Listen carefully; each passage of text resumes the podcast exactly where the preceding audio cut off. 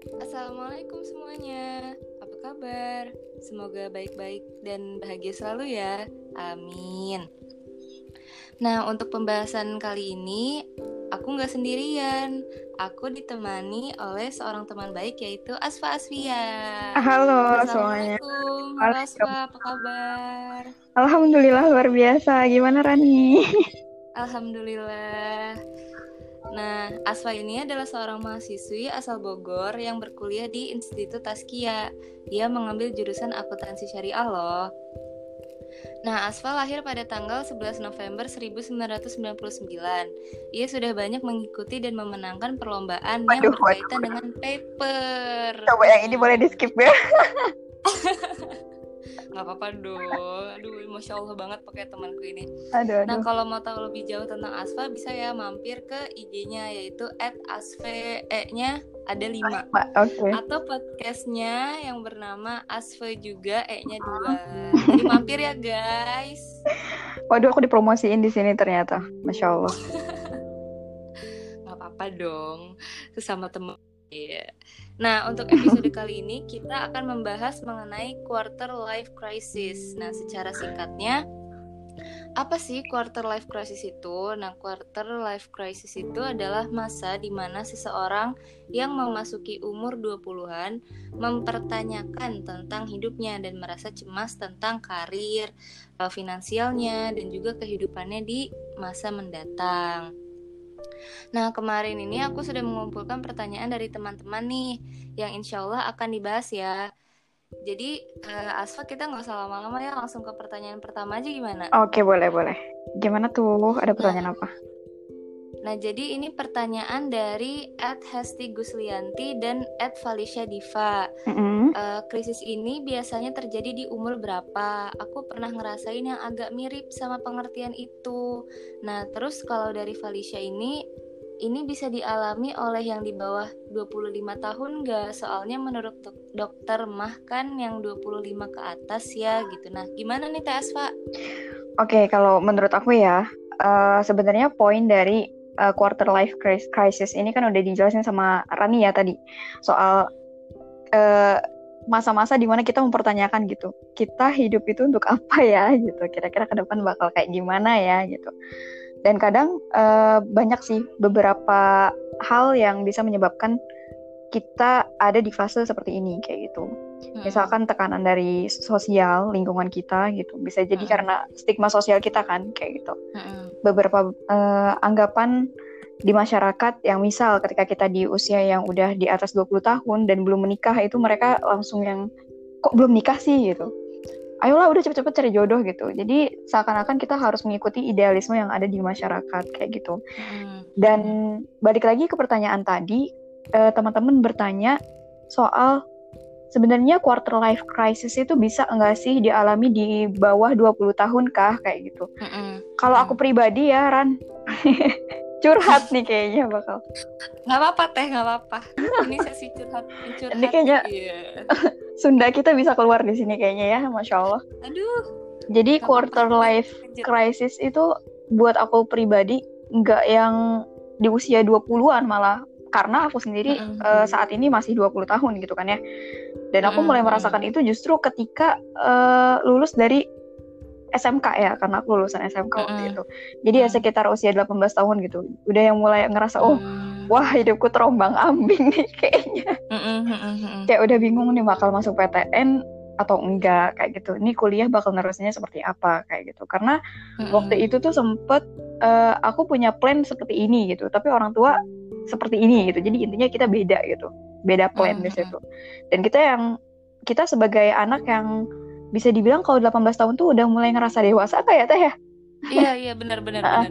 Jadi kita kayak mikir eh, gue punya pilihan hidup gue sendiri kayak gitu. Mm-mm, dan rasanya tuh udah deh tolong nggak usah bergantung lagi sama eh, keinginan orang tua kadang seperti itu. Iya Mm-mm. ya salah anak-anak.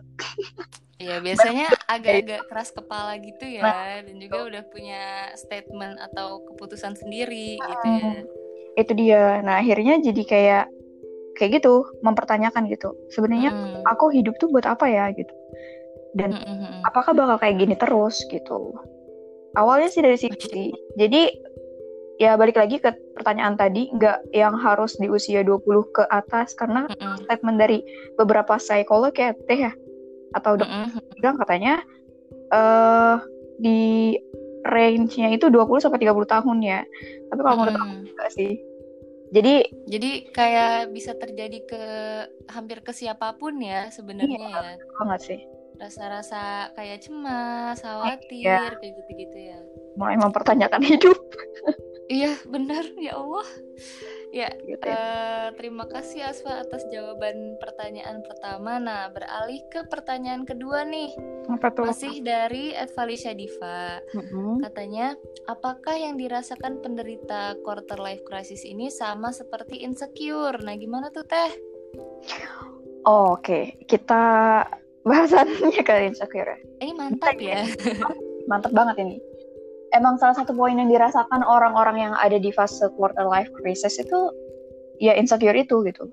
Mm-mm. Uh, soal yang bahasan tadi di awal, karena kita uh, di fase-fase seperti itu sangat sangat mengikuti tren atau justru malah Mm-mm. jadiin uh, idealisme yang ada di masyarakat itu sesuatu yang harus kita capai kayak gitu. Mm-mm. Misalkan ya kayak misalkan di di kasusnya aku gitu, karena aku nggak kuliah di PTN misalkan kayak gitu. Mm-mm. Setelah lulus, terus aku jadi kayak minder, insecure. Wah gila ya teman-teman Mm-mm. keren nih. Uh, kok pada bisa masuk sini ya? Kok ih keren Mm-mm. banget.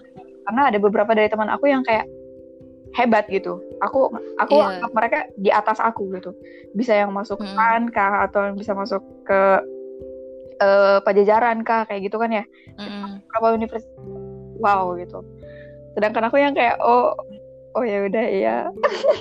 Ya, jadi kayak kadang minder sendiri gitu yang ngeliat yang lain tuh wah banget gitu. Kita kayak ya ampun kok kapan ya? Gitu kan kayak kadang mempertanyakan juga gitu kapan ya bisa kayak gitu? Gitu ya. Nah, tapi itu ya. ya balik lagi kita harus bersyukur ya karena kalau kita lihat di bawah kita mungkin masih banyak yang mau kuliah tapi nggak bisa misalnya gitu kan Mungkin ini bisa jadi bahan muhasabah untuk diri sendiri juga Ih, kali ya. masya Allah Aduh, temanku ini Kayak masya Allah kali Maksudnya supaya ketika di quarter life cri- crisis tuh kita masih ingat loh bahwa oh iya masih harus banyak yang kita syukuri kayak gitu. iya Karena- benar Aku sempet eh, baca di beberapa artikel sih, salah satunya dari Mhm. Great Mind ya kalau nggak salah tuh teh. Mm-mm. Aku setuju banget sama statementnya Kak Tulus di lagunya. Mm-mm. Eh, beberapa waktu lalu ngeluarin lagu soal apa ya tuh judulnya? Aku lupa. Pokoknya rehat gitu loh, ada kata-kata rehat. Mm-mm. Jadi rehat di sini tuh nggak cuma berarti soal kita berhenti gitu. Maksudnya kita sudah Mm-mm. memutuskan kita berhenti untuk menyelesaikan permasalahan kita. Nggak yang melulu Mm-mm. berarti konotasi seperti itu kayak gitu. Bahwa bisa jadi Mm-mm. rehat di sini tuh justru oke kita take a breath terus menyadari gitu dengan sepenuhnya bahwa oh iya kita kita ini lemah. Harus sadarin dulu Iya, ya kita ini lemah gitu. Dan kita butuh namanya pertolongan dan tentunya dari Tuhan lah kayak gitu. Dari Allah gitu kan. Iya betul betul. intinya mindfulness sih itu penting. Supaya Mm-mm. oh iya posisi kita tuh sekarang di sini gitu.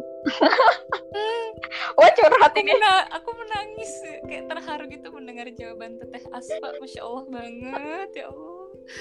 Aduh. aduh Ya, jadi intinya eh, untuk pertanyaan yang barusan itu kita harus banyak-banyak bersyukur ya biar nggak ngerasa insecure, terus nah, itu dia. eh, belajar belajar menerima apa yang udah eh, didapatkan seperti itu ya.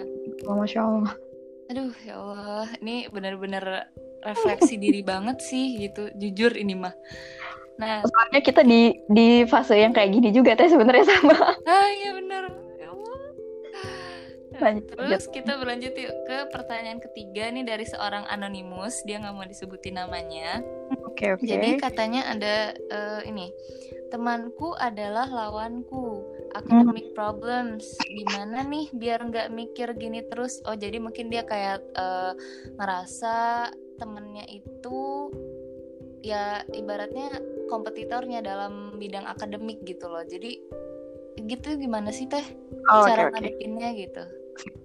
Tapi by the way ini relate sama aku sih sebenarnya Ah, iyalah, aduh teteh asma aduh ulah ditanya Astagfirullahaladzim. akademiknya. ya Wah, tuh kan keluar lagi kan Keluar Sundanya. dari Sundana ya Allah. Ini mohon first maaf ya, episode loh apa maksudnya episode pertama di mana aku ngomong Sunda. Ya, Iya, ini podcast apa-apa. dengan kearifan lokal ya, semua bahasa Iya. kita masukkan ke sini. Kalau tetehnya bisa bahasa Padang dan sebagainya boleh dimasukkan. Oke, Eh, gimana ketika kita menyikapi teman sendiri itu sebagai kompetitor? Ini Mm, aku bisa bilang mungkin banyak banget yang ngerasa kayak gini ya. Karena yang yang aku rasain juga oh iya kok mirip gitu dan sama sih cenderung sama gitu. Karena ya wajar setiap dari kita itu pasti ada dan memiliki jiwa ambisinya masing-masing kayak gitu. mm, Entah itu ambisi dalam belajar eh, dalam hal akademis ya kayak gini ya. Terus mm, dalam hal bisnis juga kan pasti selalu kita yang Ih, namanya punya kompetitor. Ya nggak bener teh? banget. Ya Allah, bener banget. Terus aku relate lagi sama bahasan soal hustle culture sih sebenarnya teh. Mm-mm. Apa tuh Yang- hustle Oke. culture? Jadi eh ini semoga ringan dan bisa diterima ya. Insya Allah bisa. Sebenarnya hustle culture itu kalau menurut aku ya itu gambaran suatu society yang mengharuskan kita harusnya kayak work work work work work 24 hours Mm, mm, mm, mm. kayak gitu loh. Jadi kayak it's the societal standard that you can only succeed by exerting yourself at maximum capacity kayak gitu loh. Mm, Kita harusnya kayak wah kalau gue punya kapasitas segini ha- pokoknya harus dimaksimalin kayak gitu. Jadi ya itulah gitu. Dengan mm, dari internal kita juga ngerasa ambisi mm, terus mm, juga didukung dengan hustle culture yang saat ini berkembang mm, mm. jadi akhirnya kayak kayak gitu gitu menimbulkan perasaan kayak oh kok setiap orang di sekeliling gue rasanya jadi kayak kompetitor ya Mm, mm, mm, mm. Itu bahkan akhirnya ujung-ujungnya ke teman sendiri kayak gitu Iya betul. dan sebenarnya gini loh teh bisa jadi temen-temen kita ini yang bahkan temen deket yang sebenarnya bisa diajak untuk kerjasama bareng gitu loh paham gak? Mm, mm, mm. Jadi Iya paham teman yang- paham Ah, teman yang bisa kita ajak kerjasama bareng dan kita tahu kapasitas dia juga wow gitu. Mm, mm. Dan akhirnya kita ngerasa kayak wah ini kompetitor gue nih sebenarnya gitu. Nah, Nah itu dia. Tapi kalau menurut aku sih, gimana cara ngereduce-nya ya perasaan-perasaan kayak gini gitu. Mm, mm. Coba kalian lebih terbuka untuk eh, lebih ke pembahasan yang nggak melulu akademis kayak gitu. Karena banyak loh dari sisi kehidupan yang bisa kita gali, nggak cuma soal akademis terus kan gitu. Karena Hmm, namanya, bener banget. ya nggak sih teh? Kayak Bener bener bener. takaran sukses itu kan nggak nggak melulu harus yang dari sisi akademis kita bagus. Iya betul. Kalau menurut aku ya, Mm, mm, mm. gitu. Jadi Aku, set- aku setuju. Setuju maksudnya. jadi kalau eh untuk ketika kita menemukan kayak seperti ini, coba deh. Mm, mm. Ini eh, misal ya kita ngerasa udah mulai ngerasa teman dekat kita sendiri jadi kompetitor gitu. Ya Mm, mm. mulai buka diskusi yang justru bisa ngedeketin kita ke sesuatu pembahasan yang mengarahkan kita untuk collab bareng kayak gitu loh. Nah, Aku lebih setuju kayak gitu sih. Istilahnya daripada stres sendiri ya Iya. mikirin kayak oh ini aku punya kompetitor nih temanku sendiri gitu. Itu kan dia. itu kadang mungkin bikin stres ya kayak Nah, tertekan gitu loh. Apalagi kalau udah ngeliat teman kitanya tuh kayak eh, ya udah bener-bener yang apa ya istilahnya eh, kadarnya tinggi banget lah dianya gitu loh. Jadi kan ke kitanya tuh udah kayak yang, aduh gitu kayak menggebu-gebu tapi kalau mau ngejar pun kayak apa ya istilahnya keteteran gitu kan Iya. malah jadi ya ngedown sendiri gitu Nah, loh. takut malah balik lagi ke insecure yang tadi itu kan.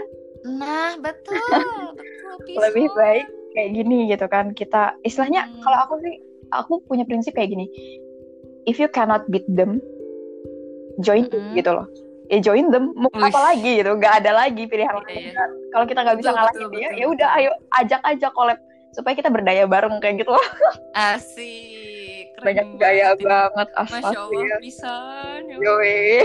Intinya juga mungkin ini ya eh, perlahan-lahan tuh mengurangi ego kita gitu. Nah. jadi berani apa ya berani berkembang juga gitu loh. Bener banget sih. Dan nggak boleh gengsian sih yang pasti.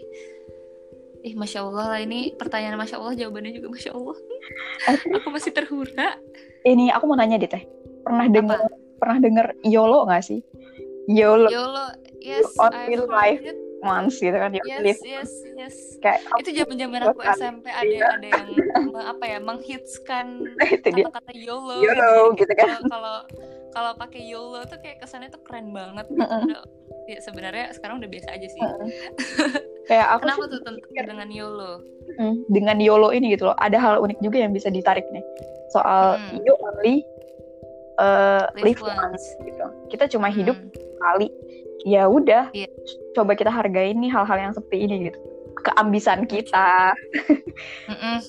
Eh, keberagaman yang ada di sekitar kita kayak gitu. Jadi ya coba aja kayak compile semuanya supaya bikin lebih fun aja kayak gitu betul Iya, betul. gitu. daripada istilahnya daripada dibuat rungsing ya dibuat pusing mending ya udah kita coba jalan dengan santai dan have fun. Tapi tetap serius gitu kan. Terus ada yang unik lagi sih teh dari soal YOLO ini. Ya apa balik tuh? lagi ke YOLO dan soal hustle culture ya. Mm-mm, mm-mm. di awal. Emang sih eh, society kita sekarang ini kan kayak banyak banget yang apa ya memaksa kita untuk bahkan ketika pandemi kayak gini aja ayo Mm. produktif produktif produktif gitu aduh iya itu itu tidak bisa dipaksakan Nah sejujurnya itu dia. Sedangkan di Indonesia ini kan kayak tren kita tren-tren rebahan ya nggak sih? uh betul sekali Ya, terus count me in aku salah satunya waduh waduh. Itu dia. Aduh. Ada beberapa dari anggota, bukan anggota, bisa dibilang kayak kelompok kecil. Nggak kelompok Mhm. kecil juga sih. Kalau sekarang kayaknya udah bisa dibilang kelompok yang major ya. Mm-mm. Eh, yang mereka itu bisa dibilang kiblatnya tuh sama kayak Tesla sama Elon Musk. Yang mereka tuh kayak eh, orang-orang yang nge-push banget buat hustle culture gitu loh. Mm-mm, mm-mm. Terus mereka juga punya anggapan bahwa bisa kalau nggak salah ya kutipan kata-katanya itu gini. Mm-mm. uh, there are way easier place to work, but nobody ever change the world on 40 hours a week. Jadi kayak dia tuh nganggap bahwa orang-orang tuh nggak bakal yang namanya bisa ngerubah dunia tanpa Mm-mm. Uh, work harder gitu lah intinya. Mm-mm. Uh-uh. Makanya aku pengen nanya lagi nih justru malah ke Teh Rani. Sebenarnya gimana sih Teh soal ini gitu? Pengen tahu Kalau aku gitu. pribadi ya, ya kita ngelihat dari segi yang general ya, jangan ngelihat dari kaum rebahan maupun kaum yang produktif gitu. Kita lihat dari general aja. Jadi eh, kalau menurut aku hard work itu boleh terus-terus, eh, tapi ngerinya ini kalau misalnya hustle culture yang aku tangkap dari penjelasanmu ya Pak Mm. kan eh, kayak apa ya jatuhnya kayak gila kerja gitu nggak sih kayak workaholic gitu nggak sih Bener banget. Nah, justru kalau kayak gitu eh apa ya? Kalau misalnya dia tetap fokus kepada kerjaannya atau keproduktifan yang ya laku- lakukan gitu loh. Jadi Hmm. dia tuh bakal miss everything important gitu. Jadi ada mungkin hal-hal lain yang apa hal-hal lain yang penting tapi dia apa ya? Ya nggak atau nggak dia perhatikan atau kurang dia perhatikan gitu karena dia terlalu fokus pada pekerjaannya itu gitu loh Oh, contohnya I misalnya kalau jeleknya workaholic atau hustle culture menurut aku ini Mm-mm. eh, anggaplah ada ada orang tua yang mm, memiliki sifat seperti itu nah jatuhnya mungkin anaknya nggak keurus atau jadi Nah. anaknya kurang dekat sama orang tuanya nah menurut aku ya boleh gitu hard work itu kerja keras tuh boleh kerja itu boleh memaksimalkan potensi itu boleh tapi balik lagi semua yang berlebih-lebihan itu tidak diperbolehkan Nah, itu gitu. dia. Dan gak baik. Mungkin lebih ke kayak kehilangan esensi nggak sih Teh? nah betul Iya, kayak gitu sih intinya poinnya. Dan kalau aku pribadi sih, Teh, kayak menyikapi hal ini ya. Ini sih yang bener-bener bikin apa ya? sak- makin ngerasa insecure di quarter life crisis tuh. Mm-mm, Karena emang yang society kita dibuild kayak gini, mm-mm. terus nggak ada juga mereka yang istilahnya menggembar-gemborkan bahwa sebenarnya kita eh, nggak nggak perlu yang namanya khawatir gitu. Kan yang namanya Mm-mm. yang namanya hidup tuh ya Tuhan udah ngatur gitu sedemikian rupa, Iya ya nggak sih? betul. Mm-mm, Kayak betul betul betul. Dan emang kalau misalkan ditinjau juga ya dari fakta-fakta yang udah ada gitu, kayak nggak semua Hmm. tuh harus sukses di usia muda. Kayak contohnya Nah betul. pemilik KFC tuh siapa tuh teh Helen Sanders kalau nggak salah tuh namanya tuh. Aduh aku aku nggak tahu aku tahunya makannya doang. Oh, pecinta KFC nih kayaknya. Pecinta ya Iya. termasuk Bang. Itu sukses saat dia bikin plan ketika usianya tuh 60 tahun bahkan ya. Jadi Oh, kayak udah lumayan ya. Udah bisa dibilang sepuh ya. Iya udah lumayan sepuh gitu maksudnya. Itu dia gitu loh. Jadi ya yang namanya sukses tuh sebenarnya nggak mandang usia itu bener statement Iya, itu betul. gitu loh ya makanya that's why dengan dengan adanya quarter life crisis ini menurut aku sih ya coba kita lihat ini dari beberapa angle gitu nggak yang cuma satu Mm-mm. satu angle aja Iya, yang betul. terutama nih dari kaum kaum neo neo kapitalis ya yang harus aduh bahasanya itu dia maksudnya bahasanya yang kayak lo masih muda lo harus sukses kayak gini kayak gini gitu. Sedangkan kan takaran Padahal sukses balik ya. lagi. Mm-mm. balik lagi teh. Semua kan relatif ya takaran sukses Eh, itu betul. Betul yang kayak gimana dulu gitu. Setiap orang punya ininya masing-masing. Itu aja sih intinya. Betul. Banget Ih, mantep banget tahu teteh. Ya, aku mah aku mah nggak salah aku ngefans teh. Wih, asik. Lain lain. Astagfirullah ya Terani Udah ya kita kita lanjut ke pertanyaan keempat ya masih ada dua pertanyaan lagi nih. Pertanyaan keempat dari @tatiel.putri. Kenapa gue nggak punya motivasi akan suatu hal kayak let it flow, let it go, hampa banget rasanya. Nah itu gimana tuh teh? ah oke ini ya emang emang inilah yang kita alami gitu di quarter life crisis ya gak sih kayak Iya betul Kayak banget. di awal kok terombang ambing gini ya bingung ya mau ngapain ya gitu Mm-mm. ya kok gue gini aja stagnan aja gitu ketika kita ngelihat society yang lain wah dia di usia misalkan 19 tahun kok udah Mm-mm. punya bisnis terus di usia 20 tahun misalkan dia udah ikut aku sendiri ya suka yang kayak ngeliat Mm. wah ini orang udah ikut conference ke mana-mana gitu Mm-mm. udah yang pinter ini ya ranah ranah mereka tuh udah yang wah masya allah lah gitu ya udah luas Mm-mm. Mm-mm.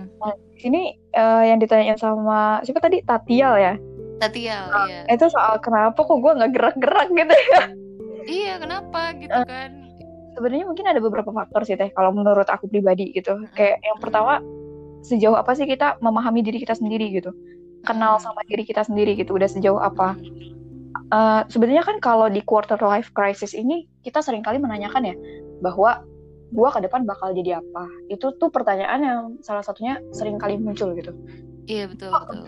apa nah kalau menurut aku dari pertanyaan inilah sebenarnya kita bisa bisa bangun beberapa eh apa ya pemikiran ke depan soal what Mm-mm. I kayak gitu loh gimana kalau Mm-mm. gue gini dan gimana kalau gue gitu gitu loh teh Mm-mm. Mm-mm. Mm-mm. mungkin kalau misalkan eh, Tatial tadi nanya kenapa dan gue harus gimana gitu Mm-mm. coba aja tuh di build dari istilahnya kerangka pemikirannya dari sana gitu dari soal mempertanyakan dulu ke depan cita-cita terbesar gue besar gue tuh apa sih gitu jadi supaya kita bisa tahu Mm-mm. track yang harus kita ambil tuh ini loh gitu harus kita ambil berarti Mm-mm. dulu kayak gitu sih kalau menurut aku dan kenalin dulu sih kayak kelebihan sama dengan kita kayak misalkan eh, aku pribadi nih ini case aku pribadi ya kayak Mm-mm. aku juga di awal bingung untuk tahu kelebihan aku di mana gitu selain Mm-mm. benar harus eh, lari ke akademis akhirnya gitu karena aku bukan tipe yang Lihat Mm-mm. aku nggak kurang juga di olahraga gitu di Iya iya paham. paham. senang cuma nggak yang bisa di kayak Iya. lihat dari yang bisa akhirnya ditemuin ya ya udah akhirnya akademis juga gitu akhirnya sini juga gitu kan Intinya intinya sih eh, yang pasti tiap orang kan beda-beda kelebihan kekurangannya. Yang pasti biar dapat motivasi itu kita harus tahu dulu ya istilahnya diri kita kayak gimana kelebihannya apa. Nah dari kelebihan itu kita kembangin gitu kan kita maksimalkan gitu. Kayak gitu sih intinya teh. Mungkin itu aja kali ya. Mantap. Per- ini ini jawaban yang tidak diduga-duga sebenarnya. Gitu. aku aku aku nggak mikir jawabannya tuh bakal mengenali diri sendiri loh. Tapi ini bener banget sih poinnya gitu. Mm-mm. karena eh, aku sadar gitu oh iya benar juga ya gitu. Misalnya aku jago di bidang ini Mm-mm. gitu oh, oke aku maksimalin di sini bener Oh, juga ya. Heeh. supaya misalnya mendapatkan ambisi dan motivasi dari kelebihan kita sendiri Ah, gitu. jadi ya mantep mantep. Keren nih Aswani keren ya pisan Allah. Aduh. Ini bubuk gorengan Oke, untuk pertanyaan terakhir nih, Teh. Oleh Ed Farah Prilia underscore. Mm-mm. Katanya, so actually semakin bertambahnya umur, gue rasa semakin banyak penyakit baru yang gue baru alami. Dan gue gampang banget sensi, padahal tadinya gue orangnya bodoh amatan. Nah, katanya, "Eh, gimana sih caranya biar gue selalu yakin dalam melakukan suatu hal di lingkungan yang notabene selalu mengomentari dia gitu, atau apa ya ngomongin dia gitu gimana biar pede ngelakuin hal itu gitu oke okay. ini soal pede ya pede ketika iya. banyak terlalu banyak aku bilang terlalu banyak ya emang banyak banget soalnya terlalu banyak stigma hmm. yang ada di masyarakat gitu bahwa kita tuh harus gini gitu hmm. kalau menurut aku sih ngebangun pede itu bisa dilihat lagi dari sisi gitu loh kayak penguatan ke diri sendiri bahwa kita ini punya tujuan yang menurut kita mm-hmm. dan kita yakini gitu loh menurut idealisme kita mm-hmm. ini tuh hal yang baik mm-hmm. gitu jadi ya sejauh mm-hmm. kamu melakukan sesuatu itu untuk kebaikan dan istilahnya mm-hmm. menimbulkan kesengsaraan buat orang lain kayak gitu ya kalau menurut aku ya udah uh, yakin tuh dari situ gitu loh jalanin aja mm-hmm. kayak gitu jadi nggak dan sekarang tuh pas mulai banyak memilah mana yang harus dimasukin ke hati, mana yang harus langsung dibuang aja kayak gitu loh. Hmm, betul uh, banget. Mana yang mana informasi yang harus oh iya dicerna dulu baru bisa dimasukin kayak gitu loh. Iya betul betul betul. Gak apa-apa sih kalau menurut aku kalau misalkan emang kita udah yang bingung banget soal tindakan preventif kita daripada kita punya penyakit hati gitu kan dengan mm -hmm. ucapan orang yang nggak enak lebih baik oke okay, bersifat bodoh amat itu bagus istilahnya uh, beda ya kritik sama nyinyir nah, gitu ya. Itu dia. Jadi kalau misalnya kita dikritik, oke okay, terima karena bisa kritik tuh uh, kadang ada solusinya juga gitu kan ya. Tapi kalau misalnya nyinyir kan itu beda beda konteks gitu ya, lebih kayak ke menjatuhkan gitu. Jadi lebih baik dicuekin gitu ya. Itu dia. Makanya aku selalu mikir yang kayak gini loh teh. Kita di usia yang bisa dibilang kita Gen Z dan milenial gitu kan ya antara itu mm -hmm. kayak it's just to be disparity gitu loh. Kayak setiap orang itu kita kan mm -hmm. berbeda dan punya karakter masing-masing yeah. punya rezekinya masing-masing gitu loh. Mm -hmm, betul. betul fokus on yours aja intinya kayak gitu sih. Tuh iya masya Allah teteh Asfa. Aku banyak ketawa okay. di podcast ini. Kenapa? Banyak ketawanya di podcast kali ini nggak tahu kenapa. Oh nggak apa-apa saya juga banyak ketawanya teteh tenang saja Nah, uh, sebelum penutup nih Teh, oh. ada nggak sih uh, tips atau pesan untuk pendengar nih terkait quarter life crisis gini? Oh, Oke, okay. kalau aku, aduh karena aku anak udah akhirnya terstigma oleh uh, lingkungan-lingkungan syariah ya di kampus.